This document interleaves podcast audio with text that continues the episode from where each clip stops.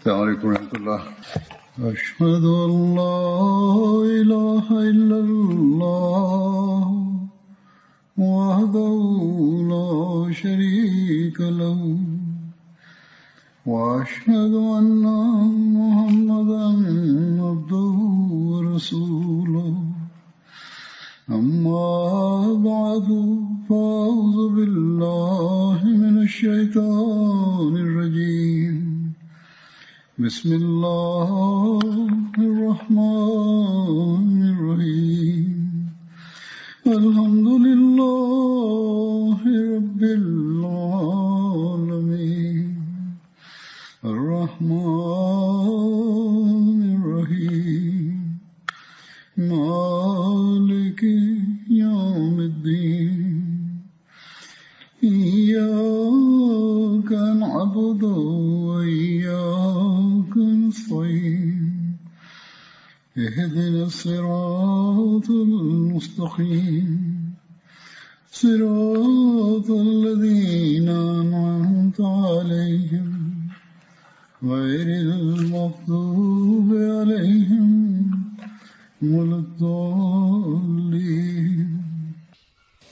2023ခုနှစ်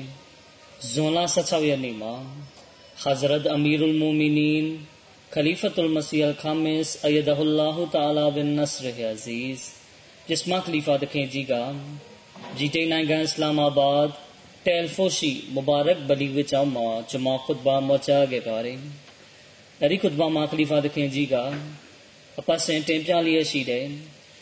မူဘာရက်ဘလီဝစ်ကျောင်းမှာဂျမာခွတ်ဘာမချခဲ့ပါတယ်။အဲဒီခွတ်ဘာမှာခလီဖာတခင်ကြီးကအပတ်စဉ်တင်ပြလျက်ရှိတယ်။တမန်တော်မြတ်ကြီးဆလလောလ္လဟ်အလัยဟိဝါစလမ်ရဲ့အကြောင်းကိုဆက်လက်မောချတင်ပြခဲ့ပါတယ်။ခလီဖာတခင်ကြီးမိန့်ကြားတော်မူသည်မှာမကာသားမယုံကြည်သူတို့ရဲ့စီရေးပြင်ဆင်မှုအခြေအနေတွေနဲ့ပတ်သက်ပြီး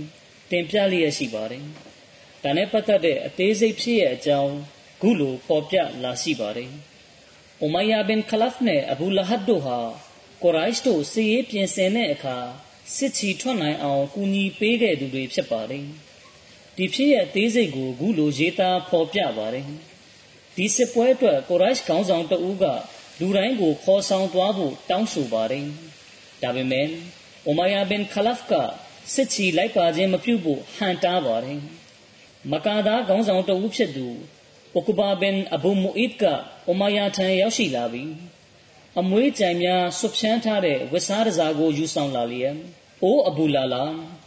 အသင်ဟာအမွေးနှံ့တာဆွဖြန်းထားတဲ့ဝတ်စားတစားကိုကြိုက်တဲ့အမျိုးသမီးလိုပါလားအသင်ဟာအမျိုးသမီးတွေထဲကပဲအသင်နဲ့စစ်ကဘာမှမဆိုင်ဘူးဆိုပြီးပြောလိုက်ပါတယ်အခြားဆင့်ပြန်ချက်တစ်ခုအရအဘူဂျဟလ်ကအိုမိုင်ယာထံရောက်ရှိလာပြီးတင်ကမကာမျိုးရဲ့ခေါင်းဆောင်တွေထဲကခေါင်းဆောင်တစ်ယောက်ဖြစ်တယ်လို့ဂုံတီရှိသူတွေထဲကတဦးဖြစ်တယ်လူတွေကအသင့်ကိုစစ်ချီမလိုက်ပဲနောက်ချန်နေရခဲ့တာကိုမြင်ရင် သူတို့လည်းစစ်ချီမလိုက်ပါပဲနေရခဲ့ကြလိမ့်မယ်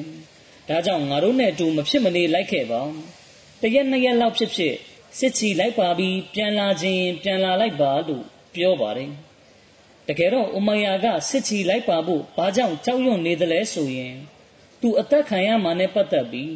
တမန်တော်မြတ်ဆလ္လာလဟ်အလัยဟိဝါစလမ်ကကြိုတင်ဟောကိန်းပြုချက်ကိုသူတည်ထားပြီးဖြစ်တာအကြောင်းပါပဲဘုခါရီကျမ်းမှာ Hazrat Abdullah bin Mas'ud radiyallahu anhu တခင်ရဲ့စင့်ပြန်ချက်တစ်ခုပေါ်ပြလာရှိပါတယ် Hazrat Sa'ad bin Ma'az တခင်ကဥမရာပြုဖို့ဆိုသည့်ရည်ရွယ်ချက်နဲ့ထွက်ခွာ၏ထို့နောက်အိုမိုင်ယာဘင်ခလဖီနေအိမ်တွင်တဲခို၏အိုမိုင်ယာနှင့်ဆာအတ်တခင်တို့ကယခင်ကတီကျွမ်းရင်းနှီးကြ၏အိုမိုင်ယာကစီးရီးယားဘက်သို့ခရီးထွက်ခွာသည့်အခါမဒီနာမှဖြတ်သွားပြီးဆာတခင်ထံတွင်တထောက်နားလေးရှိသည်။ အိုမယာကဆာတခင်အောင်အသင်ဥမရာပြုလုပ်ဖို့တွားခြင်းသည်ဆိုလျှင်ယခုခေတ္တဆောင်ဆိုင်ပါညနေဆောင်ချိန်လူတို့သတိမထားမိသည့်အခါမှတဝါပြုလုပ်ဖို့တွားပါဟုပြော၏မွတ်စလင်တို့ပေါ်မကာသားမယုံကြည်သူတို့၏ဆန့်ကျင်မှုကြောင့်ထိုသို့ပြုလုပ်ခိုင်းရခြင်းဖြစ်သည်ညနေဆောင်အချိန်တွင်ဆာတခင်ကတဝါပြုလုပ်နေ၏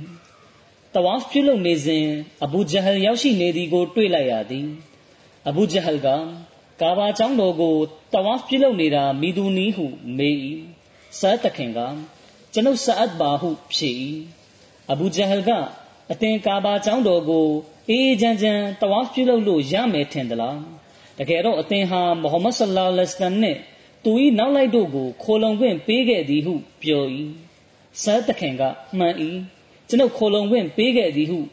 ပြန်ပြော၏ထိုအခါအဘူဂျဟလ်နှင့်ဆာတခင်တို့သည် တစ်ဖက်နှင့်တစ်ဖက်ခွန်းတုတ်ပြန်ပြောဆိုကြ၏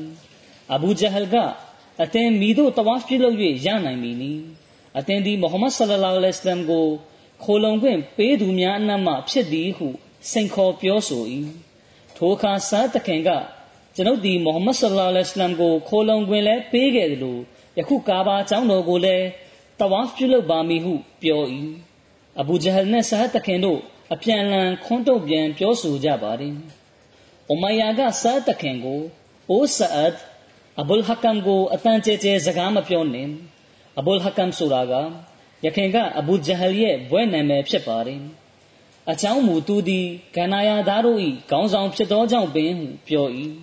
ဇတ်တခင်ကအရှင်မြတ်ကိုတိုင်တယ်ပြီးပြောမိအကယ်၍အသင်တို့ကကျွန်ုပ်ကိုဘိုက်တူလာကိုတဝါဖ်ပြုလုပ်ခြင်းမှတားဆီးပိတ်ပင်ခဲ့ပါလျင်ကျွန်ုပ်ကအသင်တို့ကို ထိုထက်ပိုမိုဆိုးဝါးမိတားဆီးပိတ်ပင်မှုကိုလုပ်ပြမည်ထို့ပြင်စီးရီးယားသို့ကုန်တယ်ခရီးထွက်ခွာလျင်အသင်တို့ဖြတ်တန်းလေးရှိသောမဒီနာလမ်းကိုကျွန်ုပ်ကလည်းပိတ်ပစ်လိုက်ုံပေါ်ဟုပြော၏ဟဇရတ်အဗ်ဒူလာဘင်မဆူဒ်တခင်ကပြောပြ၏ဥမာယာကဆာတခင်ကိုအတန်ကျဲကျဲစကားမပြောနှင့်ဟုသာထက်ခါတလဲလဲပြောကဟန်တားနေ၏ဆာတခင်ကဒေါသထွက်လာပြီးဥမာယာကိုငါကိုမဟန့်နဲ့ အသင်ဟာအဘူဂျဟ်ဘကထောက်ခံမပြောဆိုနှင့်ငါဒီမုဟမ္မဒ်ဆလ္လာလဟ်အလိုင်းဝါဆလမ်ထံမှဤသို့ကြားသိခဲ့ရပါသည်မုဟမ္မဒ်ဆလ္လာလဟ်အလိုင်းဝါဆလမ်ကအသင်ကွက်မြတ်ခံရမည်ဟုမိန့်ကြား၏ဆိုလိုဒီမှာအသင်အသက်ခံရမည်အကြောင်းကြိုတင်ဟောကိန်းပြုမိန့်ကြားတော်မူခဲ့သည်အခြားဆင့်ပြန်ချက်များတွင်မုဟမ္မဒ်ဆလ္လာလဟ်အလိုင်းဝါဆလမ်၏နောက်လိုက်နောက်ပါတို့သည်အသင်အားကွက်မြတ်ကြလိမ့်မည်ဟုဖော်ပြထား၏။အိုမယာက ကျွန်ုပ်ကိုကွက်မြတ်မည်ဟုတ်လားဟုမေးရာဆာတခင်က ဟုတ်တယ်အသင်ကိုကွက်မြတ်ကြလိမ့်မည်ဟုဖြေ၏။ဆာတခင်ကမိတို့မိဘုံဖြစ်မိကိုတော့ငါမသိဟုပြောရာအိုမယာကဖျားသခင်ကိုကျိန်ဆိုပြီးပြောမိမုဟမ္မဒ်ဆလ္လာလဟ်အလိုင်းဝါဆလမ်ကမိသည့်အခါမဆိုတစုံတရာပြောဆိုပြီးဆိုလျင်မူသားပြောဆိုလေမရှိပါဟုပြော၏ထို့နောက်အိုမယာသည်မိမိဇနီးထံသို့ပြန်လာခဲ့ပြီးဇနီးဖြစ်သူကို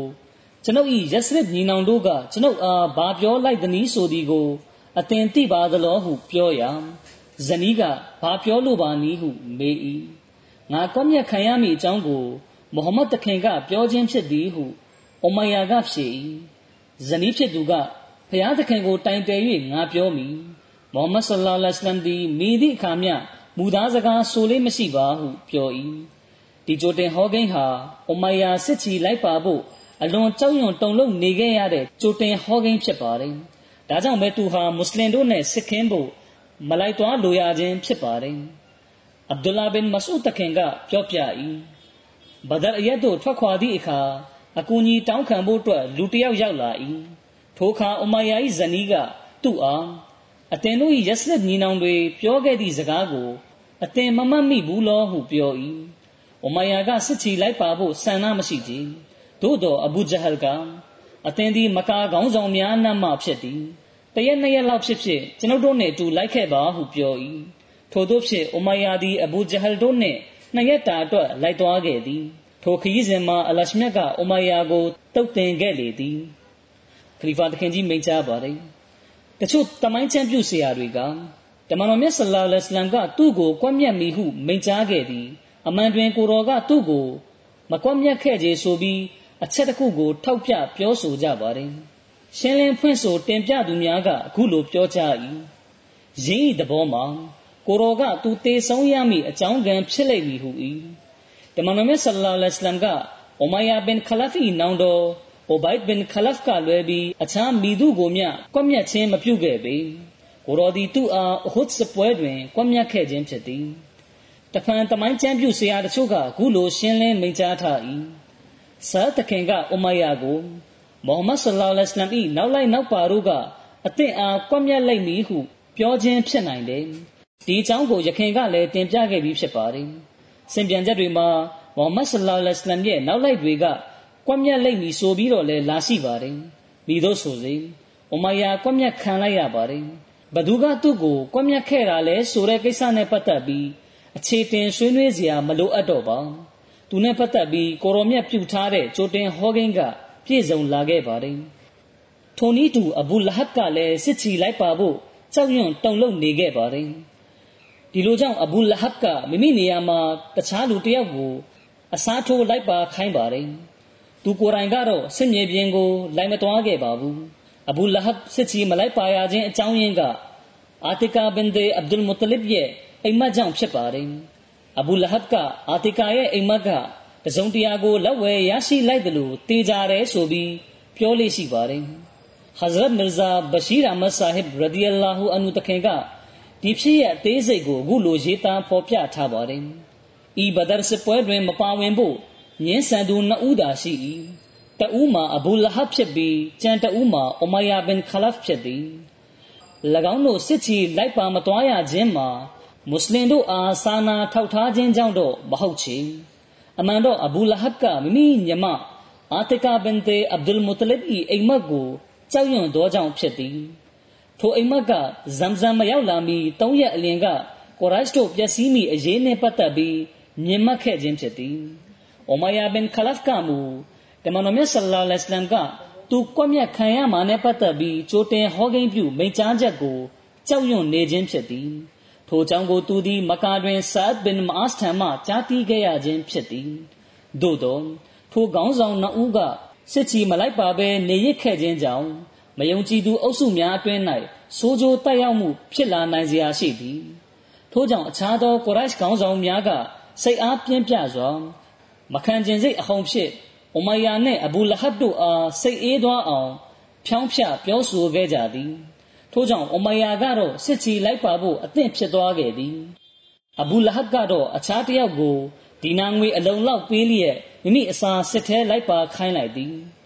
ထို့သောဖြင့်ကိုရိုက်တို့သည်၃ရက်တိုင်စစ်ရေးပြင်ဆင်မှုများပြုလုပ်ပြီးစစ်သည်ဥယေတထောင်ကျော်ပါဝင်သည့်စစ်တပ်ကြီးကမကာမထွက်ခွာရန်အသင့်ဖြစ်သွားခဲ့လေသည်စစ်တပ်ကြီးကမကာ၌ပင်ရှိနေစဉ်မှာအချို့ကိုရိုက်ခေါင်းဆောင်တို့က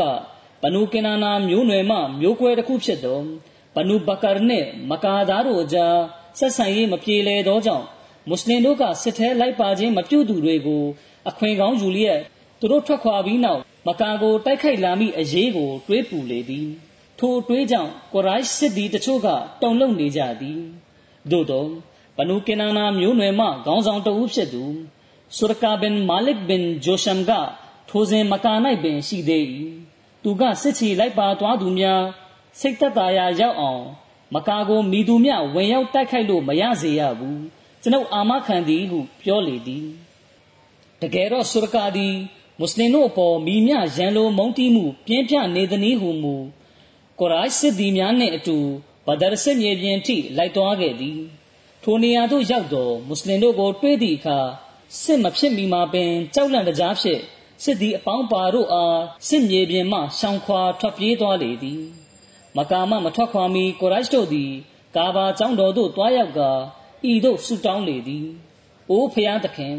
နှစ်ဖက်အုပ်စုနှင့်အမှန်တရားပေါ်၌ယက်တည်သောအုပ်စု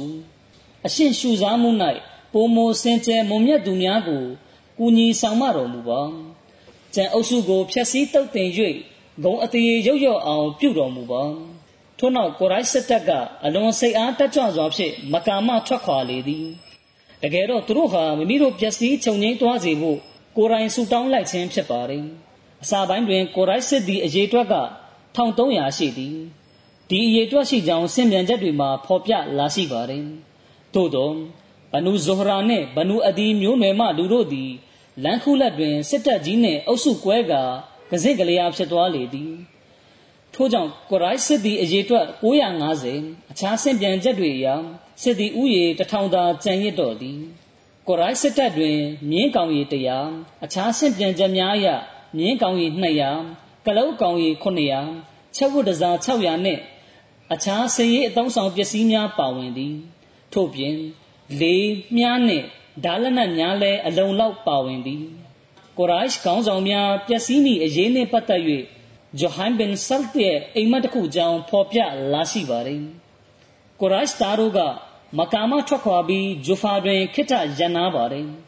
ဂျူဖာဆိုတာကမကာမမဒီနာသို့တွားရာလမ်းထက်82မိုင်ကွာမှာတည်ရှိပါတယ်ဂျိုဟိုင်းဘင်ဆတ်ကလူတွေကိုမိမိမြင်မှတ်တဲ့အိမ်မက်အကြောင်းကိုအခုလိုပြောပြပါတယ်ကျွန်ုပ်အိမ်မက်မြင်ပါတယ်အိမ်မက်ထဲမှာလူတဦးကမြင်းစည်းပြီးလာနေတယ် သူနဲ့အတူကလုတ်တကောင်လဲပါလာတယ်သူကဥဒဘာဘင်ရဘီယာအသက်ခံလိုက်ရပြီအဘူလ်ဟကမ်ဘင်ဟီရှမ်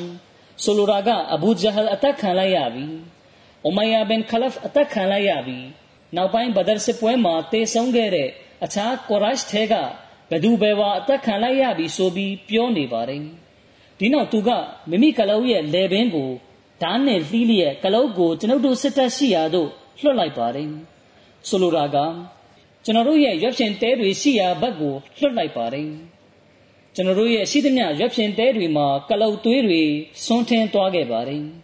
ဒီစကားကိုကြားတဲ့အခါအဘူဂျဟလ်ကလှောင်ပြောင်ရေမောပါတယ်ဒီနောက်အဘူဂျဟလ်ကဘနုမုတလစ်လူမျိုးစုထဲမှာတမန်တော်အစ်စ်တပါပေါ်ထွန်းလာပြန်ပြီမနှက်ဖြန်ငါတို့စစ်တိုက်ဖို့ထွက်ခွာတော့မယ်ဘသူတွေတေကြမလဲကြည့်ကြတာပေါ့ဆိုပြီးပြောပါတယ်မိတို့ဆိုစီ ရခင်ကတင်ပြခဲ့ပြီးဖြစ်တယ်လို့အဘူဆူဖီယန်ကသွားနေကြလမ်းကမဟုတ်ပဲတခြားလမ်းတစ်ခုမှထွက်ခွာသွားခဲ့ပါတယ်အဘူဆူဖီယန်ကအဘူဂျဟလ်ကိုစစ်တိုက်ဖို့မလိုတော့ဘူးဒါကြောင့်ပြန်လှည့်လာခဲ့ပါဆိုပြီးအကြောင်းကြားလိုက်ပါတယ်အဘူဆူဖီယန်ကဒရီဝရိယကြီးစွာစစ်တပ်ကိုဥဆောင်လျက်ရေကန်တစ်ခုအနီးမှာခဏစခန်းချပါတယ်အဘူဆူဖီယန်ကကန်ထဲကရေကိုယူလျက်လူတအုပ်ကို ဒီကိုတအုပ်လာတာကို မြင်လိုက်သလားဆိုပြီးမေးမြန်းပါတယ်ဒီခါအဲ့ဒီလူကဒဇိန်တူဖြတ်သွားတာကိုတော့မတွေ့လိုက်ဘူးဒါပေမဲ့ဒီနေရာကိုဖြတ်တန်းနေကြကလုတ်စီးနှင်းလာတဲ့လူနှစ်ဦးကိုတော့တွေ့လိုက်တယ်အဲ့ဒီနှစ်ဦးကမိမိတို့ကလုတ်တွေကိုကုန်းမြင့်ပေါ်မှာချီနှောင်ထားပြီးရေဖြည့်ကပြန်ထွက်သွားပါတယ်ဆိုပြီးပြောပါတယ်ဒီခါဘူဆူဖီယန်ကကလုတ်ကိုချီနှောင်ထားတဲ့နေရာသို့သွားပြီးကလုတ်မစင်များကိုစစ်ဆေးကြည့်ရာ ဆွန်ပလွန်အဆိုင်ခဲတွေကို တွေ့ခဲ့ရပါတယ်အဘူဆူဖီယန်ကဒါဟာယက်စရစ်ကကလုတ်တွေဖြစ်တယ်ဆိုပြီးပြောပါတယ်ဒီနောက်သူကမိမိရဲ့စစ်သည်အပေါင်းပါတွေရှိရာသို့အလင်းမြန်ပြေးလွှားသွားလျက်ကလုတ်စီးနှင်းကဘဒရစစ်မြေပြင်မှပင်လယ်ကမ်းခြေတစ်လျှောက်အလင်းမြန်ဆုတ်ခွာထွက်ပြေးလာပါတယ်ဒီကြောင်းကိုယခင်ခွတ်ဘာတွေမှာတင်ပြခဲ့ပြီးဖြစ်ပါတယ်အဘူဆူဖီယန်ကမိမိရဲ့ခရီးသွားအုပ်စုလုံခြုံစွာရှိနေပြီဖြစ်ကြောင်းယုံကြည်သွားတဲ့အခါ ကိုရိုင်းစစ်တပ်ကိုမိမိတို့ပိုင်ဥစ္စာပစ္စည်းကိုကာကွယ်ဖို့အတွက်ထွက်ခွာတဲ့ခရီးသွားအုပ်စုကိုဘုရားသခင်ကကယ်တင်လွတ်မြောက်အောင်ပြုပေးခဲ့ပြီးဖြစ်တယ်။ဒါကြောင့်အသင်တို့ပြန်လှည့်လာခဲ့ပါဆိုပြီးသတင်းပါလိုက်ပါတယ်။ဒါပေမဲ့အဘူဆူဖီယန်ရဲ့သတင်းစကားကိုကြားတဲ့အခါအဘူဂျဟလ်ကဘုရားသခင်ကိုကျိန်ဆိုပြီးငါပြောမယ်။ဘဒရအရက်တို့ရောက်သွားခဲ့ရင်တော့ငါတို့လုံးဝပြန်လှည့်လာကြမှာမဟုတ်ဘူးဆိုပြီးပြောပါတယ်။ဘဒရအရက်ဟာအာရေဗျမှာ ပွဲလန်းတပင်တွေနဲ့လူသူစီကားတဲ့နေရာတစ်ခုဖြစ်လူသိများထင်ရှားပါတယ်။အဲ့ဒီမှာနှစ်စဉ်ဈေးရောင်းပွဲတော်ကြီးကျင်းပလေးရှိပါတယ်။အဘူဂျဟလ်ကငါတို့ဘဒရအရက်မှာ၃ရက်တိုင်တဲခိုနေထိုင်ကြမယ်။ကလုတ်ကိုလှီးဖြတ်ပြီးလူတွေကိုတဲခင်းကျွေးမွေးကြမယ်။အရက်သေးစာတိုက်ကျွေးကြမယ်။ငါတို့ရဲ့ခြေကြုံတွေကတေးသချင်းတွေတီးဆိုပြီးငါတို့ကိုဖျော်ဖြေကြလိမ့်မယ်။ဒီခါအာရေဗျတစ်ခုလုံးက ငါတို့ရဲ့ခရီးနဲ့ငါတို့ရဲ့စစ်တပ်ကြောင့်တည်သွားကြလိမ့်မယ်ဒီလိုဆိုရင်သူတို့ဟာအမြဲတမ်းငါတို့ကိုကြောက်ပြီးနေကြရလိမ့်မယ်ဒါကြောင့်ရှေးတို့သာဆက်လက်ချီတက်ကြပါဆိုပြီးပြောပါတယ်အဘူဂျဟလ်ကမွတ်စလင်တွေဟာကိုရိုက်တွေကိုအမြဲတမ်းကြောက်နေစေဖို့အတွက်ငါတို့စစ်တပ်တစ်ခုလုံးကိုခေါ်ဆောင်ပြီးဘဒရ်တို့မဖြစ်မနေသွားကြရမယ်ဆိုပြီးပြောပါတယ်အဘူဂျဟလ်ဥဆောင်တဲ့စစ်တပ်နဲ့အတူဘနူဇိုရာလူမျိုးစုလည်းအတူလိုက်ပါခဲ့ပါတယ် ဘနူဇိုရာလူမျိုးစုကလည်းစစ်မြေပြင်မှပြန်လည်ဆုတ်ခွာဖို့ဆုံးဖြတ်ခဲ့ခြင်းအကြောင်းနဲ့ပတ်သက်ပြီးခုလိုရေးသားဖော်ပြထားပါတယ်။အဘူဆူဖီယန်ထံကသတင်းစကားကိုကြားတဲ့အခါဘနူဇိုရာလူမျိုးစုရဲ့မဟာမိတ်ဖြစ်တဲ့အခနတ်ဘင်ရှာရစ်ကအိုဘနူဇိုရာလူမျိုးစုဝင်အပေါင်းတို့ဘုရားသခင်သည်အသင်တို့၏ဥစ္စာပစ္စည်းတွေကိုထိမ့်သိမ်းကာကွယ်ပေးတော်မူခဲ့ပြီဖြစ်တယ်။အသင်တို့ရဲ့အပေါင်းဖော် မခဇမာဘင်နောဖယ်ကိုလည်းအသက်ချမ်းသာရာပြုပေးခဲ့ပါတယ်။မခဇမာဘင်နောဖယ်ကအဘူဆူဖီယန်ရဲ့စစ်တပ်မှာပါဝင်သူဖြစ်ပါတယ်။ယခုအသင်တို့ကမခဇမာကိုကယ်တင်ပြီးမိမိတို့ရဲ့ဥစ္စာပစ္စည်းတွေကိုထိမ့်သိမ်းကာကွယ်ဖို့မိမိတို့နေအိမ်မှထွက်ခွာနေကြခြင်းဖြစ်တယ်။အသင်တို့ငါ့ကိုသူရဲဘောကြောင်သူလို့ဆွဆွဲခြင်းဆွဆွဲနိုင်တယ်။ဆိုလိုတာကငါကသူရဲဘောကြောင်ပြီးစစ်မြေပြင်ကနေထွက်ပြေးတယ်ဆိုပြီးပြောခြင်းပြောနိုင်တယ် ဒီလိုရှိနေသည့်တိုင်အသင်တို့ပြန်လှည့်လာဖို့ငါပြောလိုတယ်မိမိတို့အတွက်ဘာမှထိခိုက်ဆုံးရှုံးစရာမရှိတဲ့အခြေအနေမျိုးမှာစစ်ထွက်ဖို့အတွက်မလိုအပ်ဘူးအဘူဂျဟလ်ရဲ့စကားတွေကြောင့်အလဲစားမခံကြနဲ့ဆိုပြီးပြောပါတယ်ဒီလိုနဲ့ဘနူဇိုရာလူမျိုးစုကတက်ခောက်ပြီးပြန်လှည့်လာခဲ့ကြပါတယ်ဒီလိုကြောင့်ဘနူဇိုရာလူမျိုးစုကတဦးတယောက်မှစစ်ထဲမပါဝင်ခဲ့ကြပါဘူးထိုနည်းတူ ဘနူအဒီဘင်ကာဘ်လူမျိုးစုမှတဦးတလေများကလည်းစစ်ခင်းဖို့မလိုက်ပါခဲ့ကြပဲပြန်လှည့်လာခဲ့ကြပါတယ်ကိုရိုက်စစ်တပ်ကတော့ရှေ့သို့ဆက်လက်ချီတက်သွားနေခဲ့ပါတယ်အဘူတာလစ်ရဲ့သားတာလစ်ကကိုရိုက်စစ်တပ်ထဲမှာပါဝင်ခဲ့ပါတယ်ကိုရိုက်လူမျိုးစုတချို့ကြားမှာအပြန်အလှန်စကားပြောဆိုဆွေးနွေးကြတယ်ကိုရိုက်တို့ကဘုရားသခင်ကိုချိန်ဆပြီးပြောမယ်။အိုဘနုဟာရှင်မျိုးနွယ်ဝင်ပေါင်းတို့ အသင်တို့ဟာငါတို့နဲ့အတူစစ်ထွက်လာခဲ့ကြပေမယ့်အသင်တို့ရဲ့စိတ်ကမုဟမ္မဒ်ဆလ္လာလဟ်အလัยဟိဝါစလမ်နဲ့အတူရှိနေတယ်လို့ထင်ငေါ့ပြောဆိုပါတယ်ဒီစကားကိုကြားတဲ့အခါတာလစ်ကမိမိရဲ့အပေါင်းဖော်တွေနဲ့အတူမကာတို့ပြန်လာခဲ့ပါတယ်စင်ပြန်ချက်တစ်ခုမှာခုလိုဖော်ပြလာရှိပါတယ်တာလစ်ဘင်အဘူတာလစ်ကမုရှရစ်တွေရဲ့အတင်းကျပ်လှုံ့ဆော်မှုကြောင့်မလွဲမဆောင်တာပဲဘဒရ်တို့လိုက်သွားခဲ့ရခြင်းဖြစ်တယ်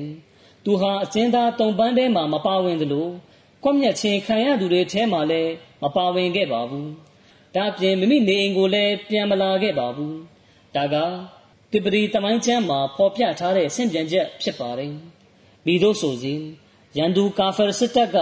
စစ်သည်ဥယေ1300ရှိနေတာကနေ300ရော့ပြီး1000သာကျန်ပါတော့တယ်။စစ်သည်300ကစစ်ပွဲထဲမလိုက်ပဲမကာတို့ပြန်သွားခဲ့တာဖြစ်ပါတယ်။ ကျန်တဲ့စစ်သည်1000ကတော့ရှေးတို့သာဆက်လက်ချီတက်ခဲ့ကြပါတယ်။နောက်ဆုံးမှာဘဒရ်ကွင်းပြင်အနီးတောင်ကြီးအောက်မှာစခန်းချလိုက်ပါတယ်။တမန်တော်မြတ်ဆလ္လာလဟ်အလัยဟိဝါစလမ်ကဘဒရ်စစ်ပွဲသို့ထွက်ခွာခြင်းအကြောင်းနဲ့ပတ်သက်ပြီးတင်ပြပါမယ်။ဘဒရ်စစ်ပွဲကိုမွတ်စလင်ဥယေဘလောက်ကလိုက်ပါဆင်နွှဲခဲ့ကြပါသလဲ။အဲ့ဒီအကြောင်းအရာနဲ့ပတ်သက်ပြီးတမိုင်းကျမ်းတွေမှာဖော်ပြလာရှိပါတယ်။တမန်တော်မြတ်ဆလ္လာလဟ်အလัยဟိဝါစလမ်ကရမ်ဇန်လ12ရက်နေ့ဟစ်ဂျရီတက္ကရာ2ခုနှစ်စနေနေ့မှာ မဒီနာကနေစတင်ထွက်ခွာလာခဲ့ပါတယ်။ကိုရောနဲ့အတူစစ်သည်ဥယေ300နှစ်အထက်ပါဝင်ကြပါတယ်။အဲ့ဒီမှာမဟာဂျီ84ယောက်နဲ့ကျန်နာတွေကအန်ဆာရီတွေဖြစ်ကြပါတယ်။ဒါကအန်ဆာရီတွေပါပါဝင်ဆင်နွှဲခဲ့တဲ့ပထမဆုံးဂဇဝါစစ်ပွဲဖြစ်ပါတယ်။ဥစမန်ဘင်အဖန်တခင်ကိုတမန်တော်မြတ်ဆလ္လာလဟ်အလัยဟိဝါစလမ်ကမဒီနာမှာပဲနေရစ်ခဲ့ဖို့မှာကြားခဲ့ပါတယ်။ဘာကြောင့်လဲဆိုတော့ဥစမန်တခင်ရဲ့ဇနီး တမန်တော်မြတ်ဆလ္လာလဟ်အလัยဟိဝါစလမ်ရဲ့တမီးတော်ရူကာယာတခင်မကနာမကျန်းဖြစ်နေတာကြောင့်ဖြစ်ပါတယ်။အခြားအဆင့်မြန်ချက်မှာလာရှိချက်အရဥစမန်တခင်ကိုယ်တိုင်ကနာမကျန်းဖြစ်နေတဲ့အတွက်စစ်ပွဲထဲမလိုက်နိုင်ခြင်းဖြစ်တယ်လို့ဆိုပါတယ်။ဒါပေမဲ့မှန်ကန်စိတ်ချရတဲ့ဆင့်ပြန်ချက်တွေအရတော့ရူကာယာတခင်မနာမကျန်းဖြစ်နေတဲ့အတွက်ကိုရောမြတ်ကဥစမန်တခင်ကိုရူကာယာတခင်မအားပြုစုစောင့်ရှောက်ဖို့မဒီနာမှာနေခိုင်းခဲ့တာဖြစ်ကြောင်းသိရပါတယ်။ မွတ်စလင်စစ်သည်အရေးတွက်နဲ့ပတ်သက်ပြီးဆင့်ပြန်ချက်အတော်များများမှာ373ဦးဆိုပြီးဖော်ပြလာရှိတာကို တွေ့ရပါတယ်။ဆဟီဘူခါရီဟဒီသ်ကျမ်းမှာလာရှိပါတယ်။ Hazrat Barar bin Azib တခင်ရဲ့ဆင့်ပြန်ချက်ဖြစ်ပါတယ်။ Barar တခင်ကဆင့်ပြန်တာကဘဒရ်စပွဲတွင်ပါဝင်ဆင်နွှဲခဲ့ကြသည့်တမန်တော်မြတ်ဆလ္လာလဟ်အလိုင်း၏တာဝကတော်များ၏အရေးအတွက်မှာအဘယ်များရှိသနည်းဆိုသည်နှင့်ဆက်လင်း၍ကျွန်ုပ်အားတဆင့်ပြောပြသည်မှာ တမန်တော်တွာလူတ်နှင့်အတူမြစ်ကြီးကိုဖျက်ကူးခဲ့ကြသည့်ယုံကြည်သူအရေတွက်များလောက်ပင်ရှိသည်။တွာလုတ်နှင့်အတူမြစ်ကိုကူးဖြတ်ကြရာတွင်ယုံကြည်သူတို့သာဖြတ်ကျော်ခဲ့ခြင်းဖြစ်သည်။အခြားဆင့်မြန်ချက်တစ်ခုမှလာရှိပါသည်။တမန်တော်မြတ်ဆလ္လာလဟ်အလัยဟိဝါစလမ်ကတာဝကတော်များအားစစ်သည်အရေတွက်မိများရှိကြောင်းရေတွက်ကြရန်အမိန်ပေးသောအခါတာဝကတော်များကစစ်သည်အရေတွက်ကိုရေတွက်ကြသည်။ပြီးနောက်တွင်ကိုရောအားစစ်သည်အရေတွက် 373ဦးရှိပါသည်ဟုတင်ပြလျှောက်ထားကြသည်။ထိုအခါတမန်တော်မြတ်ဆလ္လာလဟ်အလัยဟိဝါစလမ်ကအလွန်ဝမ်းမြောက်လျက်တွာလုတ်နှင့်အတူရှိခဲ့ကြသည့်ယုံကြည်သူအရေးအတွက်အတိုင်းပင်ဖြစ်သည်ဟုမိန့်တော်မူခဲ့လေသည်ဘဒရ်စပွဲမှာပါဝင်ဆင်နွှဲခဲ့ကြတဲ့မွတ်စလင်အရေးအတွက်နဲ့ပတ်သက်ပြီးမွတ်စလင်မာဦးရဒီအလာဟူအန်ဟူတခင်ကမိန့်ကြားပါတယ်ဘဒရ်စပွဲတွင်တာဝကတော်အရေးအတွက်မှာ373ယောက်ဖြစ်သည်အကယ်၍373ယောက်မဟုတ်ဘဲ 600 900လောက်နဲ့ဆစ်ထွက်လာကြမည်ဆိုလျှင်ထို့ပြင်မဒီနာတွင်ကြံရစ်ခဲ့သည့်တာဝကတော်များလည်းလိုက်ပါလာမည်ဆိုလျှင်တိုက်ပွဲဆင်နွှဲရာမှာမွတ်စလင်တို့အတွက်ပုံမိုလွယ်ကူသွားပေလိမ့်မည်သို့သောအလရှမြတ်ကထိုစစ်ပွဲနှင့်ပတ်သက်ပြီးတမန်တော်မြတ်ဆလ္လာလဟ်အလัยဟိဝါစလမ်အားကြိုတင်အတိပေးထားပြီးဖြစ်တယ်လို့စစ်တိုက်ရမည့်အကြောင်းမိသူကိုမျှမပြောရန်လဲတပါးဒီမှာကြားထားပြီးဖြစ်သည်ထို့သောပြုလုပ်ရခြင်းမှာအလရှမြတ်ကလွန်ခဲ့သောအထက်ကာလများက ချင်းချက်ထားခဲ့သည့်ကြိုတင်ဟောကိန်းများပြည့်စုံလာစေရန်လိုလားတော်မူသောကြောင့်ဖြစ်သည်ဘဒရ်စစ်ပွဲတွင်တာဝကတော်အရေးတွက်မှာ373ယောက်ရှိသည်ထိုနည်းတူဓမ္မဟောင်းတာဝရကျမ်းတွင် လာရှိချက်အရတမန်တော်ရေတုံကြုံတွေ့ခဲ့ရသည့်ဖြစ်ရအကြောင်းဖော်ပြထားသည်ထိုဖြစ်ရနှင့်အလားတူမျိုးတမန်တော်မြတ်ဆလ္လာလဟ်အလัยဟိဝါစလမ်နှင့်ကိုရောတာဝကတော်များလည်းကြုံတွေ့ခဲ့ရသည်တမန်တော်ရေတုံက ရန်သူများနှင့်တိုက်ခိုက်သောအခါစစ်သည်အရေအတွက်မှာ373ယောက်ရှိခဲ့သည်တာဝကတော်တွေကသာစစ်တိုက်ဖို့အတွက်မဒီနာမှထွက်လာကြခြင်းဖြစ်သည်ဟုကြိုတင်သိရှိသွားပြီဆိုလျှင်ရှိသမျှတာဝကတော်အားလုံးလိုက်ပါလာကြမိတာဖြစ်သည်သို့ဆိုလျှင်စစ်သည်အရေအတွက်မှာလည်း373ယောက်ထက်ပိုသွားပေလိမ့်မည်ထိုအမျော်မြင်ကြောင့်ပင်အလရှမြတ်ကထိုအကြောင်းကိုလျှို့ဝှက်ထားခဲ့ခြင်းဖြစ်သည်ထိုအားဖြင့်တာဝကတော်တို့မှာ373ယောက်ထက်မပိုစေရန်ဖြစ်သည် အကြောင်းဆိုသောတာဝကတော်373ယောက်ကရှည်တန်းထွက်လာခြင်းဖြစ်သာကြိုတင်ဟောကိန်းကိုမှန်ကန်ပြည့်စုံလာစေနိုင်သောကြောင့်ဖြစ်သည်ထို့ကြောင့်စစ်တိုက်ထွက်လာသည်ဆိုသောသတင်းကိုဖုံးထားရန်လိုအပ်ရခြင်းဖြစ်သည်စင်မြေပြင်ရောက်တော့မှတမန်တော်မြတ်ဆလ္လာလဟ်အလัยဟိဝါစလမ်ကတာဝကတော်များကိုအသင်တို့နှင့်ကိုရိုက်လူမျိုးစုတို့ကြားတွင်စစ်ပွဲဆင်နွှဲရတော့မည်ဟုအတိပေးခဲ့ခြင်းဖြစ်သည်။အုမေဝရကာဘင်တေနောဖယ်ဆိုတဲ့တာဝိကာမတယောက်ရှိပါတယ်။ သူမက ဂျီဟတ်ထဲပါဝင်ဖို့ အလွန်စိတ်အားထက်သန်ကြောင်းနဲ့ ပတ်သက်ပြီးတမိုင်းကျမ်းတွေမှာ ဖော်ပြချက် လာရှိပါတယ်။တမန်တော်မြတ် ဆလ္လာလဟ်အလိုင်းမ်က ဘဒရ်စစ်ပွဲဆင်နွှဲဖို့ ထွက်ခွာတဲ့အခါအုမေဝရကာဆိုတဲ့ တာဝိကာမက တမန်တော်မြတ် ဆလ္လာလဟ်အလိုင်းမ်ထံမှာ အိုးလိုက်တမန်တော်မြတ် ကျွန်တော်မျိုးမကိုလည်း ဂျီဟာထဲမှာ ပါဝင်ခွင့်ပြုပါ ကျွန်တော်မျိုးမသည် စစ်ပွဲတွင် ဒဏ်ရာရသူများကိုတူနာပြုလုပ်ပေးပါမည်တို့ဖြစ် အလာကကျွန်တော်မျိုးမကိုလည်း ရှဟီဒီဂုံဆင့် ပေးသနာစေရန်ဖြစ်ပါသည်ဆိုပြီးတောင်းဆိုပါတယ်ဒီခါမှာတမန်တော်မြတ်ဆလ္လာလဟ်အလိုင်းမ်ကအသင်မအိမ်မှာပဲနေပါအလရှမြတ်အသင်မကိုရှဟီဒီစင်တန်းပေးပါလိမ့်မည်ဆိုပြီးမိန့်တော်မူပါတယ်အဲ့ဒီတာဝိကာမကြီးကကျမ်းမြတ်ကုရ်အာန်ကိုဖတ်ရထားသူဖြစ်ပါတယ်။တမန်တော်မြတ်ဆလ္လာလဟ်အလัยဟိဝါစလမ်ကသူမထံတွားလေတွားထရှိပါတယ်။ကိုရောမြတ်ကသူမ၏နာမည်ကိုရှာဟီဒါဆိုပြီးပေးထားပါတယ်။ ဒါကြောင့်မွတ်စလင်များစုကလည်းသူမကိုရှာဟီဒါဆိုပြီးတော့သာခေါ်ဝေါ်ကြပါတယ်။ဒီနောက်ဥမရသခင်ရဲ့ခလာဖတ်ကာလမှာအုမေဝရကာတခင်မရဲ့အစီကံအမျိုးသမီးတစ်ယောက်ကအုမေဝရကာတခင်မကိုအခင်းတစ်ခုတည်းထည့်လိုက်ပြီးအသက်ရှူကြက်လျက်မေ့မျောသွားအောင်ပြုလုပ်ခဲ့ပါတယ်။နောက်ဆုံးမေ့မျောရင်းကနေအသက်ထွက်သွားခဲ့ပါတယ်။အဲ့ဒီအစီကံမျိုးသမီးနဲ့ပတ်သက်ပြီးအမေဝရကာတခင်မကမကွဲလွန်မိမှာငါကွဲလွန်ရင်သူမကိုအစီကံဖြစ်မှ လွတ်လပ်ခွင့်ပေးရမည်ဆိုပြီးတေတန်းစာရေးခဲ့ပါတယ်။အမေဝရကာတခင်မကိုတပ်ဖြတ်ရမှာပါဝင်ပတ်သက်သူတိုင်းကိုအမရတခင်ရဲ့အမိန့်နဲ့ကျိုးပေးလျက်တေတန်းပေးခဲ့ပါတယ်။အမရတခင်ကတမန်တော်မြတ်ဆလ္လာလဟ်အလัยဟိဝါစလမ်မိန့်ကြားဒီမှာအဘယ်မျှမှန်ကန်လိုက်ပါသနည်းရှဟီဒါနဲ့တွားတွေ့ရအောင်ငါနဲ့တူလိုက်ခဲ့ပါဆိုပြီးပြောပြပါတယ်ဘဒတ်စပွဲမှာအစ္စလမ်စစ်တပ်ရဲ့အင်အားအစည်းနဲ့လက်နက်စတာတွေက အင်အားဘယ်လောက်ရှိကြောင်းနဲ့ပတ်သက်ပြီးတမိုင်းကျမ်းတွေမှာဖော်ပြလာရှိပါတယ်ဆင့်ပြန်ကြတစ်ခုမှာလာရှိချက်အရအဲ့ဒီစစ်ပွဲမှာမွတ်စလင်တွေထံမှာမြင်း၅កောင်ရှိပါတယ်အချို့ပညာရှင်တွေကတော့မြင်း၂កောင်သာပါတယ်လို့ဆိုပါတယ်မြင်းတကောင်ကဇဘိုင်တခင်ရဲ့မြင်းဖြစ်ပြီးကျန်တကောင်ကမဂဒါတခင်ရဲ့မြင်းဖြစ်ပါတယ်အလီတခင်ရဲ့ဆင့်ကြံချက်အရဘဒရစပွဲမှာမဂဒါတခင်ကလွဲပြီးမြင်းစည်းစစ်သည်တယောက်မှမရှိပါဘူးမိတို့ဆိုစီ မြင်းကောင်ကြီးအများဆုံးကတော့ငါးကောင်ဖြစ်ကြောင်းဆင့်ပြန်ချက်တွေအတော်များများမှာတွေ့ရပါတယ်မွတ်စလင်တွေထံမှာချက်ဖို့အင်ကြီး60ပါဝင်ပါတယ်ကလုတ်ကောင်ကြီးက80နဲ့80ကြားမှာရှိပါတယ်အဲ့ဒီကလုတ်တွေပေါ်မှာမွတ်စလင်တွေအားလုံးကအလှဲ့ကျစီးနှင်းကြတာဖြစ်ပါတယ်။တမန်တော်မြတ်ဆလ္လာလဟ်အလัยဟိဝါစလမ်အလီတခင်နဲ့မရဆတ်ဘင်အဘူမရဆတ်စသူတို့ကကလုတ်တကောင်နဲ့ကိုတယောက်တလဲစီစီးနှင်းကြပါတယ်။ တမန်တော်မြတ်ဆလ္လာလဟ်အလัยဟိဝါစလမ်လမ်းစဉ်လျှောက်ရမယ်အလှဲ့ရောက်တဲ့အခါအလီတခင်ရောမရဆတ်တခင်ကပါအိုးလိုက်တမန်တော်မြတ်ကျွန်တော်မျိုးတို့သည်ကိုရောလမ်းလျှောက်ရမည့်အလှဲ့တွင်ကိုရောအစားကျွန်တော်မျိုးတို့လမ်းလျှောက်ပါမည်ကိုရောကတော့အစည်းနှင်းပေါ်မှာသာထိုင်ပြီးလိုက်တော်မူပါဆိုပြီးလျှောက်ထားပါတယ်ဒီခါမှာဓမ္မတော်မြတ်ဆလ္လာလဟ်အလัยဟိဝါစလမ်ကအသင်တို့ကငါကိုယ်တော်ထက်ခွန်အားရှိနေကြသည်မဟုတ်ပါထို့ပြင်ငါကိုယ်တော်ကအသင်တို့နှင့်နှိုင်းရှင်လျင် အကျိုးကုသိုလ်ကိုလိုလားမှုမရှိသူလည်းမဟုတ်ပါဆိုပြီးမိန့်တော်မူပါတယ်လန်ခရီးတွင်တနေရာကိုဖြတ်သန်းနေချိန်၌တမန်တော်မြတ်ဆလ္လာလဟ်အလัยဟိဝါစလမ်ကမိမိတာဝကတော်များအတွက်ဤသို့ဒွါဆူတောင်းလေသည်။အိုအလ္လာဟ်သူတို့သည်ခြေထောက်တွင်ခြေနှင်းမရှိကြပါ။ထို့ကြောင့်သူတို့အားခြေနှင်းများချီးမြှင့်တော်မူပါ။သူတို့မှာအစည်းနှင်းမရှိကြပါ။ထို့ကြောင့်သူတို့အားအစည်းနှင်းချီးမြှင့်တော်မူပါ။သူတို့သည်အဝတ်မဲ့နေကြပါသည်။ ထို့ကြောင့်သူတို့အားအဝတ်စားချီးမြှင့်တော်မူပါ။သူတို့စာလောင်မွတ်သိပ်နေကြပါသည်။သူတို့အားဝါလင်အောင်အစားအစာကျွေးမွေးတော်မူပါသူတို့သည်ဆင်းရဲကြက်တဲနေသူများဖြစ်သောကြောင့်သူတို့အားချမ်းသာကြွယ်ဝစေတော်မူပါဓမ္မတော်မြတ်ဆလ္လာလဟ်အလိုင်းဤထိုဒဝါဆူတောင်းကပြည့်စုံခဲ့လေသည်ဘဒရ်စပွဲပြီးနောက်ပြန်လာကြသူများနှင့်တယောက်စီက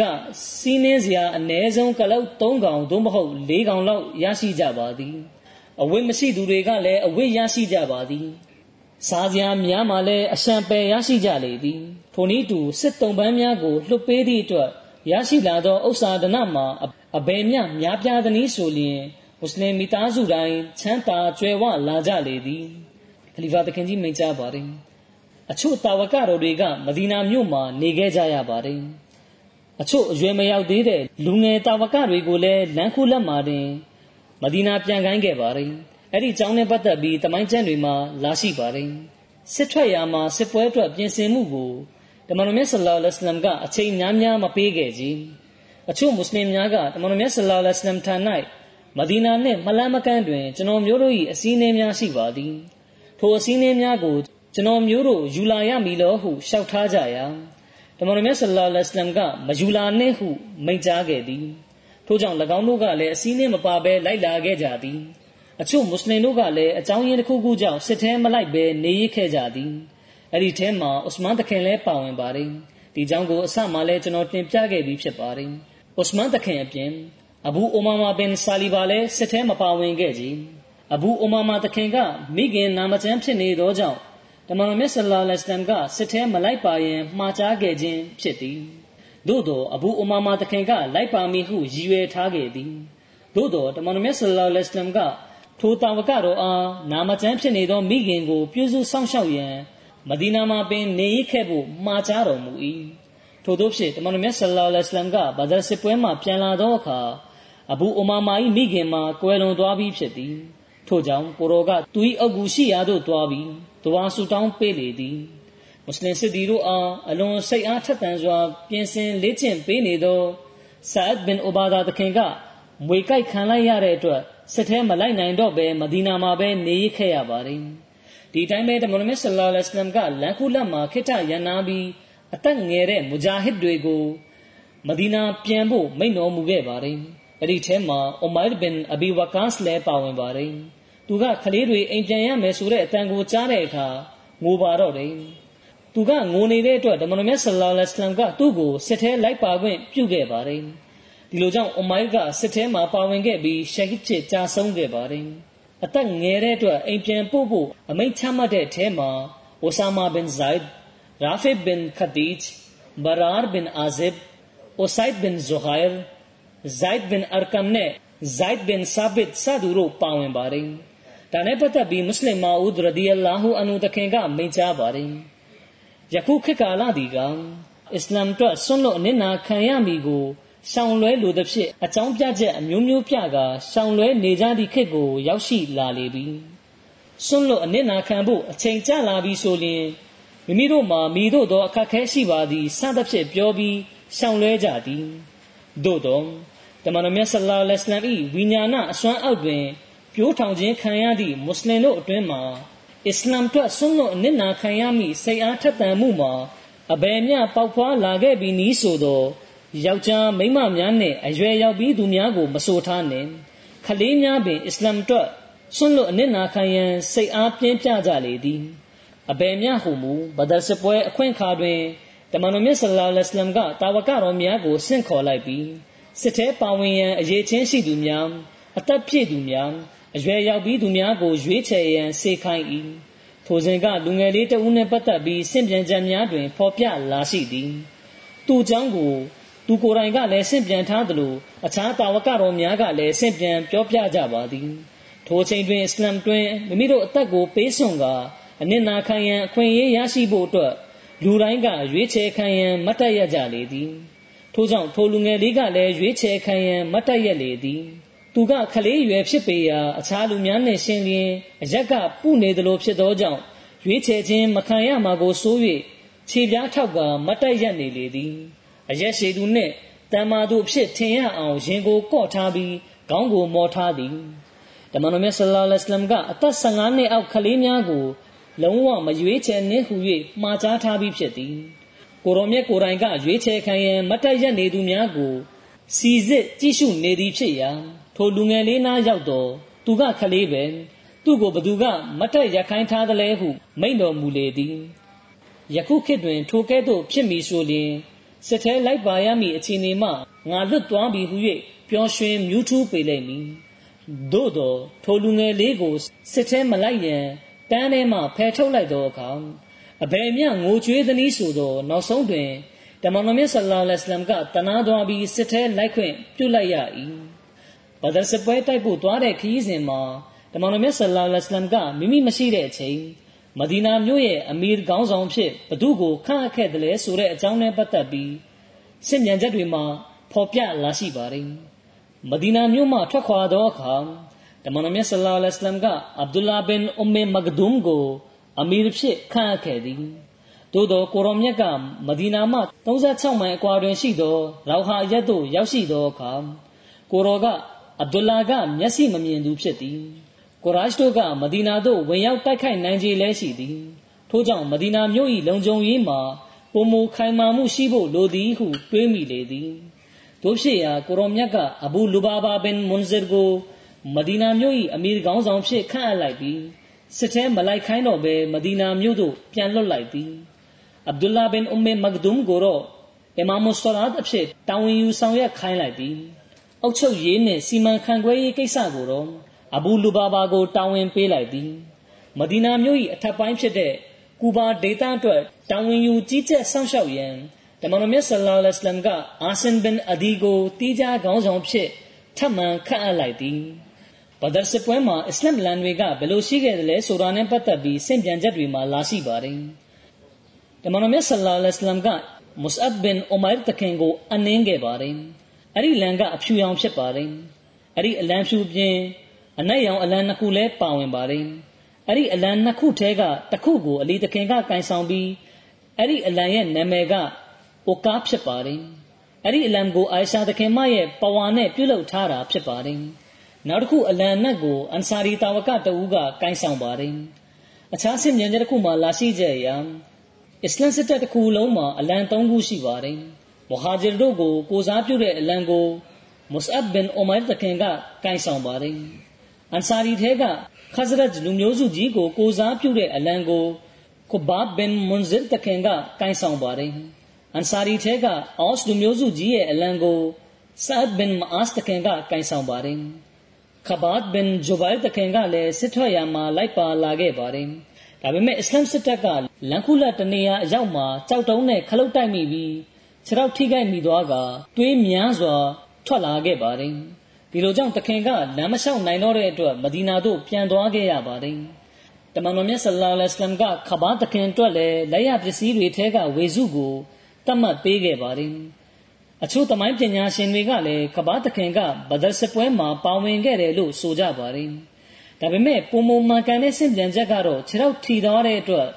စစ်ပွဲထဲမှာမပါဝင်ခဲ့ဘဲမဒီနာသို့ပြန်သွားခဲ့တဲ့စင်ပြန်ချက်ဖြစ်ပါတယ်ဘဒရ်စစ်ပွဲမှာမွတ်စလစ်တဦးထံကအကူအညီကိုမယူဘဲညင်ပယ်ခဲ့ကြောင်းနဲ့ပတ်သက်ပြီးစင်ပြန်ချက်တွေမှာလာရှိပါတယ်။မဒီနာမြို့မှာဟဘီဘ်ဘင်ယဆာဖ်ဆိုတဲ့လူတစ်ယောက်ကအလွန်တူရတတိနဲ့ပြည့်စုံပြီးခွန်အားဗလာကြီးသူတဦးဖြစ်ထင်ရှားကြော်ကြားပါတယ်။အဲ့ဒီလူကခဇရတ်မျိုးနွယ်ဝင်ဖြစ်ပါတယ်။ဘဒရ်စစ်ပွဲဖြစ်ပွားချိန်ထိမွတ်စလင်မဖြစ်သေးပါဘူး။ ဒါပေမဲ့လည်းသူကမိမိရဲ့လူမျိုးစုဖြစ်တဲ့ခါဇရတ်လူမျိုးစုနဲ့အတူစစ်တိုက်ဖို့အတွက်လိုက်လာခဲ့ပါတယ်။စစ်ပွဲထဲမှာပါဝင်ဆင်နွှဲရမှာဖြစ်တဲ့အတွက်လက်ရပစ္စည်းတွေကိုလည်းရရှိဖို့မျှော်လင့်ချက်ရှိနေပါတယ်။သူကဲ့သို့သောသူရဲကောင်းတဦးပါလာတဲ့အတွက်မွတ်စလင်တွေကအလွန်ဝမ်းသာနေခဲ့ကြပါတယ်ဒါပေမဲ့တမန်တော်မြတ်ဆလ္လာလဟ်အလัยဟိဝါစလမ်ကအဲ့ဒီလူကိုငါတို့သာသနာထဲမှာရှိတဲ့လူသားငါတို့နဲ့အတူစစ်ဆင်နွှဲခွင့်ရှိမယ်ဆိုပြီးမိန့်ကြားပါတယ် အခြားဆင်မြင်ချက်တစ်ခုမှာလာရှိချက်အရတမန်တော်မြတ်ဆလ္လာလဟ်အလမ်ကအဲ့ဒီလူကိုအတင်းမဒီနာသို့ပြန်ပါငါတို့ကမွတ်စလစ်တဦးထံကအကူအညီမယူခြင်းပါဘူးဆိုပြီးမိန့်ကြားပါတယ်ဒါပေမဲ့လည်းအဲ့ဒီဟဘီဘ်ဘင်ဂျာဆာဖ်ဆိုတဲ့လူကနောက်တစ်ချိန်ထပ်ပြီးတမန်တော်မြတ်ဆလ္လာလဟ်အလမ်နားသို့လာလျက်စစ်သေးလိုက်ပါလို့ကြောင်းပန်ကြားပါတယ်ဒီဒီချိန်လဲတမန်တော်မြတ်ဆလ္လာလဟ်အလမ်ကလက်မခံဘဲမဒီနာသို့ပြန်ခိုင်းလိုက်ပါတယ်အဲ့ဒီလူကတတိယချိန်ထပ်ပြီးတမန်တော်မြတ်ဆလ္လာလဟ်အလမ်ထံမှာ စစ်ထဲလိုက်ပါဝင်ပြုဖို့ရှောက်ထားပြန်ပါတယ်ဒီခါမှာတော့တမန်တော်မြတ်ဆလ္လာလဟ်အလัยဟိဝါစလမ်ကသူ့ကိုအသင်ကအလာနဲ့ရှင်းတမန်တော်ကိုယုံကြည်လက်ခံသလားဆိုပြီးမေးတဲ့အခါသူကလည်းလက်ခံကြောင်းပြန်ဖြေပြီးမွတ်စလင်ဖြစ်လာခဲ့ပါတယ်။အဲဒီနောက်သူ့ကိုစစ်ထဲမှာပါဝင်ခွင့်ပြုလိုက်ပြီးသူကလည်းသူရတတ္တိရှိစွာရဲရဲဝံ့ဝံ့စစ်တိုက်ခဲ့ပါတယ်။ဘဒရ်တို့တွားနေချိန်မှာဆတ်ဘင်အဘီဝကာစ်တခင်ကတမင်ကိုမြားနဲ့ပြစ်ခတ်တဲ့အကြောင်းဆင့်ပြန်ချက်တွေမှာလာရှိပါတယ်။ တမန်တော်မြတ်ဆလ္လာလဟ်အလัยဟိဝါစလမ်ကဆတ်တခင်ကိုအိုးဆတ်ဟိုတမင်ကိုမြားနဲ့ပြစ်ခတ်ပါဆိုပြီးမိန့်ကြားပါတယ်။ပြီးနောက်ကိုရောမြတ်ကဆတ်တခင်ရဲ့နောက်မှာရက်ပြီးဆတ်တခင်ရဲ့ပခုံးနှစ်ဖက်ပေါ်မှာလက်တင်ပြီးဒူးလေးကိုကိုယ်တိုင်ကိုယ်ကျတေချာချိန်ရွယ်ပေးပါတယ်။ပြီးနောက်ကိုရောကမြားကိုပြစ်လွတ်လိုက်ဖို့မိန့်ပါတယ်။ဆတ်တခင်ကလည်းကိုရောမာတဲ့အတိုင်းမြားကိုပြစ်လွတ်တဲ့အခါကိုရောမြတ်ကအိုးအလာပြစ်မှတ်ကိုထိမှန်စေပါဆိုပြီးဒွါဆူတောင်းပါတယ်။ တကယ်လဲမြားပြစ်တဲ့အခါတစ်ချက်ကမလွဲပါဘူးတမင်ကိုထိမှန်ပါတယ်အဲ့ဒီခါတမန်မြတ်ဆလောလ္လဟ်အလိုင်းမ်ကပြုံးရတော်မူပါတယ်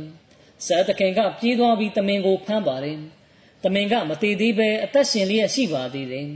အဲ့ဒီနောက်တမင်ကိုလယ်လီးဖြတ်ပြီးခုတ်ထစ်လျက်တမန်တော်မြတ်ဆလ္လာလဟ်အလัยဟိဝါစလမ်ရဲ့အမိန့်နဲ့တာဝကတော်အားလုံးကိုပေးဝေလိုက်ပါတယ်ဒီနောက်တမန်တော်မြတ်ဆလ္လာလဟ်အလัยဟိဝါစလမ်ကဘဒရခရီးသို့ဆက်လက်နှင်ပါတယ် ဘဒရ်ရက်ဒေသနဲ့အနှဲငယ်သာကွာလန်းပြီးစိမ့်လန်းဆိုပြေ၍ဆွန်မလွန်ပင်တွေများစွာပေါက်ရောက်တော့ဆဖရာရက်သို့ရောက်ရှိတဲ့အခါမှာတမန်တော်မြတ်ဆလ္လာလဟ်အလัยဟိဝါစလမ်ကအဘူဆူဖီယန်နဲ့ပတ်သက်ပြီးတရင်ချက်လက်တွေရယူဖို့အတွက်တာဝကတော်နှစ်ပါးကိုစုံစမ်းထောက်လှမ်းရေးဖြစ်ဆေလွတ်ခဲ့ပါတယ်။ကိုရိုရိုင်ကမူစစ်တပ်ကြီးကိုဥဆောင်ရရှေ့သို့ခရီးဆက်ပါတယ်။ဒီလိုနဲ့ဇဖရန်အမီရှိလွင်ပြင်ကြီးကိုဖျက်ဆီးရင် အဲ့ဒီနားမှာစခန်းချလိုက်ပါတယ်။တမန်တော်မြတ်ဆလ္လာလဟ်အလัยဟိဝါစလမ်ကအဘူဆူဖီယန်ဥဆောင်တဲ့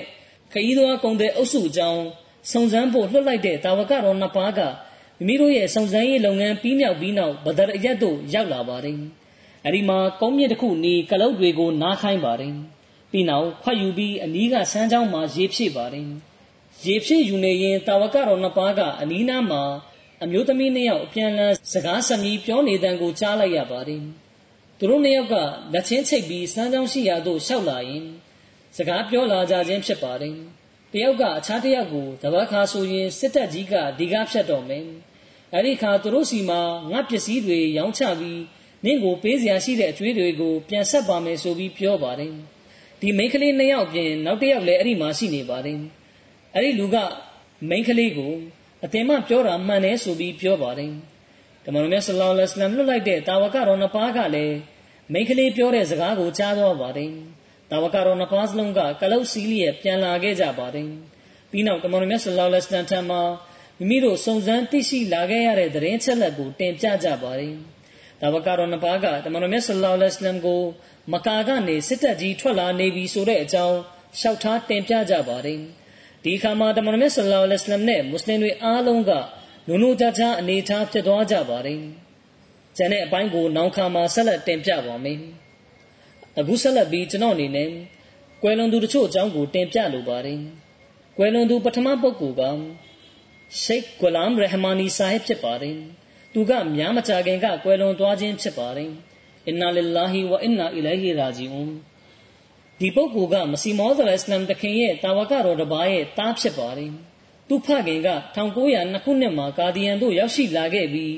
မစီမောဇလအစ္စလမ်တခင်ကိုမြင်တဲ့အခါတခင်ဟာမှားယွင်းတဲ့သူမဖြစ်နိုင်ဘူးဆိုတာသိရှိသွားခဲ့ပါတယ်။ရာမာနီဆာဟစ်က UK ဂျမားတ်ရဲ့အထွေထွေအတွင်းရေးမှူးဖြစ်ဆောင်ရွက်ခဲ့တယ်လို့ South Hall ဂျမားရဲ့ဥက္ကရာဖြစ်လဲတာဝန်ယူဆောင်ရွက်ခဲ့ပါတယ်။သူက Mission House မှာအပတ်စဉ်သင်တန်းများလဲဦးစီးပြုလုပ်ပေးခဲ့ပါတယ်။ဝစီယတာဝန်ခံဖြစ်လဲဆောင်ရွက်ခဲ့ပါတယ်။ သူဟာ၅ချိန်နမတ်မှာမြဲမြံသူပုံမှန်နဖီလ်ရိုဇာစောင့်သူပုံမှန်ကျမ်းမြတ်ကုရ်အာန်ဖတ်ရသူဖြစ်ပြီးချစ်ခင်နှစ်လိုပဲကောင်းသူတဦးဖြစ်ပါတယ်သူကခလာဖတ်ပေါ်မှာလည်းအလွန်တွေ့တာချစ်ခင်သူတစ္ဆာစောင့်တည်သူဖြစ်ပါတယ်ဟာစလဲပြုလုပ်ထားသူဖြစ်ပါတယ်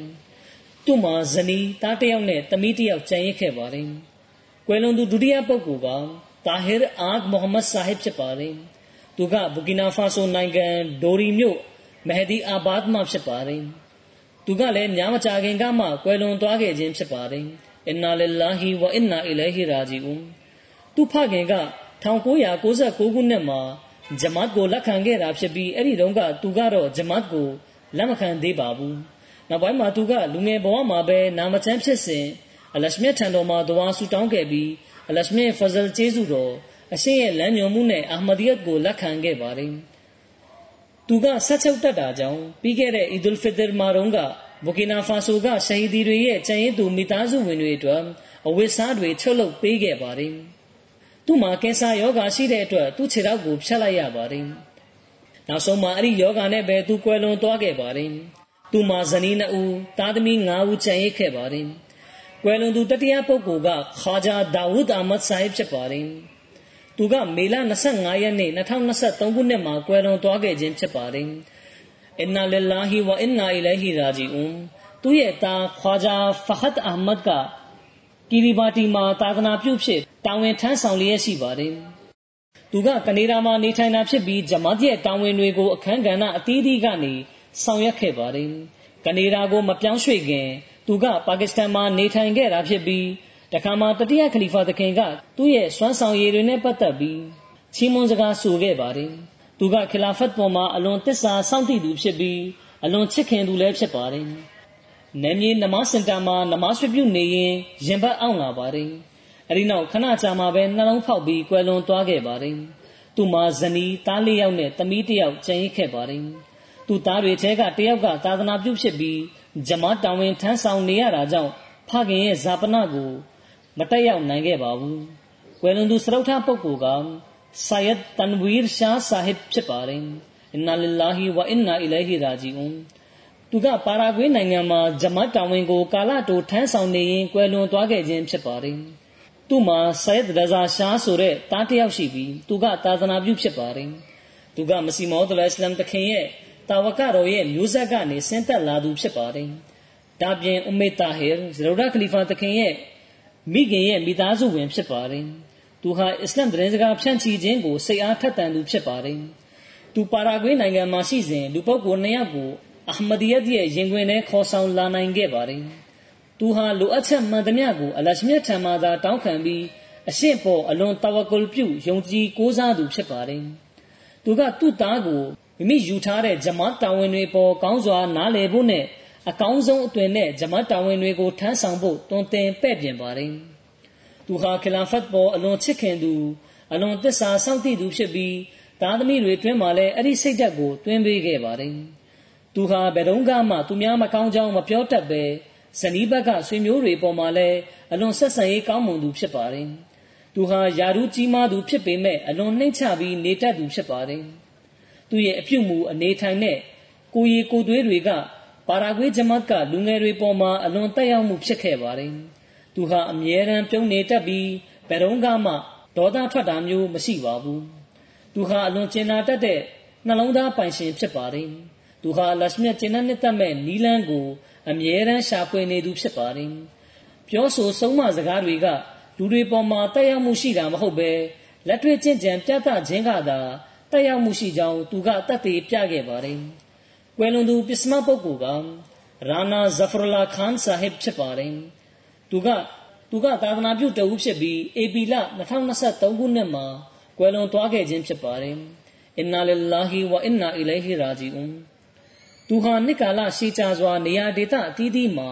သာသနာပြုဖြစ်တာဝန်ထမ်းဆောင်ခဲ့ပါတယ်သူဟာအလွန်နှိမ့်ချကျွန်းလွန်သူနဲ့ရိုးရှင်းစွာဘဝနေထိုင်ကြောင်းလန်းသူဖြစ်ပါတယ် သူဟာအလွန်ကြိုးစားသူဖြစ်ပြီးအာဖဂန်နစ္စတန်ဂျမားအဖွဲ့ဝင်တွေပေါ်မှာအလွန်ကြီးမားတဲ့တက်ရောက်မှုကိုဖြစ်စေခဲ့ပါတယ်။သူကွယ်လွန်တဲ့အခါလူများစွာတို့ကဝမ်းနည်းကြောင်းဖော်ပြကြပြီးမိမိတို့ကိုထောက်ပံ့ပေးကမ်းတဲ့သူဖြစ်ကြောင်းကိုလည်း၎င်းတို့ကပြောဆိုကြပါတယ်။သူမှာမိခင်ဇနီးနဲ့သမီး၃ယောက်ကျန်ရစ်ခဲ့ပါတယ်။အလရှမြတ်ဒီကွယ်လွန်သူအားလုံးကိုတနာကျင်နာခွင့်လွှတ်ခြင်းဖြင့်ပြုမှုဆက်ဆံတော်မူပါစေ သူတို့ရဲ့နန္တရားဆိုင်ရာအစဉ်တန်းကိုမြင့်တင်ပေးတော်မူပါစေကျန်ရသူမိသားစုဝင်တွေကိုလည်းတီးခံနိုင်စွမ်းကြံ့ကြံ့ခံနိုင်စွမ်းပေးသနာတော်မူပါစေသူတို့ရဲ့သားသမီးတွေကိုလည်းသူတို့ပြုခဲ့တဲ့ကောင်းမှုတွေအတိုင်းကျင့်ကြံအားထုတ်နိုင်စွမ်းပေးတော်မူပါစေအာမင် الحمد لله الحمد لله نحمده ونستعينه ونستغفره ونؤمن به ونتوكل عليه. ونعوذ بالله من شرور أنفسنا ومن سيئات أعمالنا. من يهده الله فلا مضل له ومن يضلله فلا هادي له. ونشهد أن لا إله إلا الله ونشهد أن محمدا عبده ورسوله. عباد الله رحمكم الله إن الله يأمر بالعدل واللسان وإيتاء ذي القربى وينهى عن الفحشاء والمنكر والبغي يعظكم لعلكم تذكرون. اذكروا الله يذكركم وذوه يستجب لكم ولذكر الله أكبر.